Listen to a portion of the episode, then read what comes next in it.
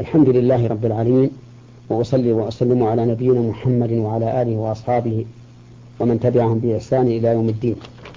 أما بعد أيها المستمعون الكرام فهذه الحلقة الرابعة والأربعون بعد المئة من حلقات أحكام من القرآن الكريم. يقول الله عز وجل إن الذين يكتمون ما أنزل الله من الكتاب ويشترون به ثمنا قليلا أولئك ما يأكلون في بطونهم إلا النار ولا يكلمهم الله يوم القيامة ولا يزكيهم ولهم عذاب أليم. هذه جملة مؤكدة بإن فإن أداة توكيد. والذين اسمها وجملة أولئك ما يأكلون في بطونهم إلا النار خبرها. ويكتمون أي يخفون.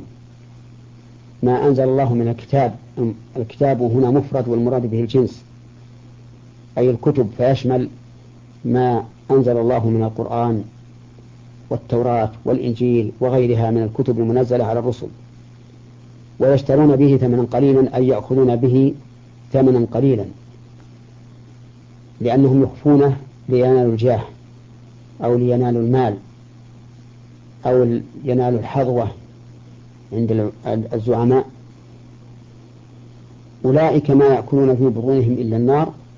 وهذا متعين فيما إذا كتموه من أجل المال فإنهم لا يأكلون في بطونهم إلا النار لتحريم هذا المال عليهم لأن هذا المال حرام عليهم من وجهين الوجه الأول أنهم أخذوه بغير الحق والوجه الثاني أنهم كتموا من أجله الحق. ولا يكلمهم الله يعني تكريم رضا ولكنه يكلمهم تكريم إهانة.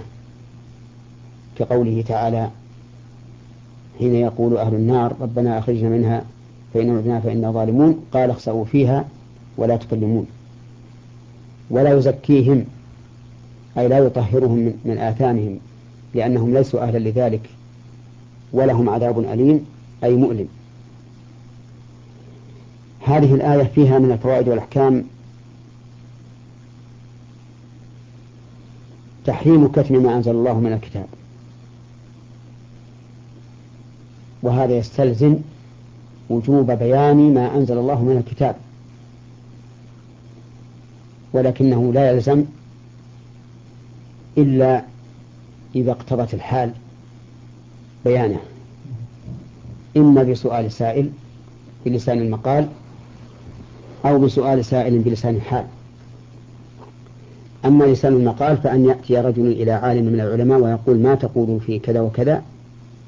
فيفتيه وأما لسان الحال فأن يرى الإنسان شخصا يتعبد لله تعالى عبادة على غير وجه صحيح فيجب عليه في هذه الحال أن يبين له الحق في ذلك.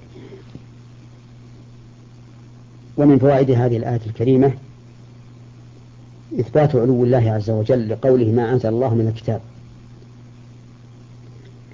ومن فوائدها أن الكتب التي جاءت بها الأنبياء منزلة من عند الله. ومن فوائد هذه الآية الكريمة تحريم أخذ العوض على كتمان الحق لقوله ويشترون به ثمنا قليلا. فإن قيل وهل يحرم العوض على بيان الحق؟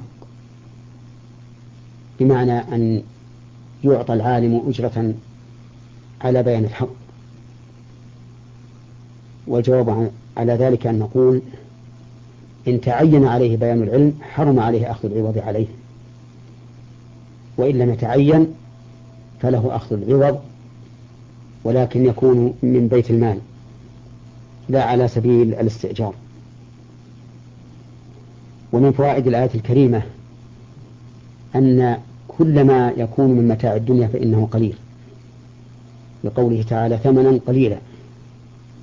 ويشهد لهذا قوله تعالى قل متاع الدنيا قليل والآخرة خير لمن اتقى ومن فوائد الآية الكريمة أن كتم ما أنزل الله من الكتاب ليشتري به الإنسان ثمنا قليلا من كبائر الذنوب لوجود الوعيد عليه في قوله أولئك ما يأكلون في بطونهم إلا النار. ومن فوائد الآية الكريمة إثبات كلام الله سبحانه وتعالى. لأن نفع تكليمه لهؤلاء دليل على أنه يكلم غيرهم. وأهل الحق من السلف والخلف يثبتون أن الله تعالى يتكلم بحرف وصوت مسموع. ومن ذلك القرآن الكريم فإنه كلام الله تعالى منزل غير مخلوق منه بدا وإليه يعود. كما قرر ذلك أهل السنة والجماعة. ومن فوائد هذه الآية الكريمة إثبات يوم القيامة وهو اليوم الذي يبعث فيه الناس من قبورهم وسمي يوم القيامة لأن الناس يقومون فيه من قبورهم لله عز وجل ولأنه يقام فيه العدل كما قال تعالى ونضع الموازين القسط يوم القيامة ولأنه يقوم فيه الأشهاد. كما قال تعالى إنا لننصر رسلنا والذين آمنوا في الحياة الدنيا ويوم يقوم الأشهاد. ومن فوائد الآية الكريمة أن الله تعالى يزكي من يشاء. فإن نفي التزكية لهؤلاء دليل على ثبوتها لضدهم. ومن فوائدها أن هؤلاء الذين يكتمون ما أنزل الله من الكتاب ويشترون به ثمنا قليلا لا يزكيهم الله يوم القيامة. بل هم أهل الفسق والجور.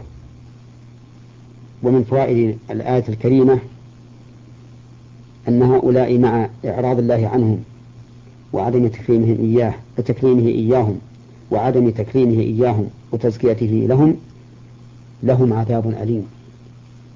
أي عذاب مؤلم. وذلك عذاب النار بشدته وعظمه. نعوذ بالله من النار. فإن النبي صلى الله عليه وعلى آله وسلم أخبر أن نار جهنم فضلت على نار الدنيا كلها بتسعة وستين جزءا. أي أن نار الدنيا كلها جزء من سبعين جزءا من نار جهنم. أعاذنا الله وإياكم منها. وجعلنا وإياكم من أهل النعيم المقيم في جوار الرب الرحيم إنه على كل شيء قدير. وإلى هنا تنتهي هذه الحلقة. والسلام عليكم ورحمة الله وبركاته.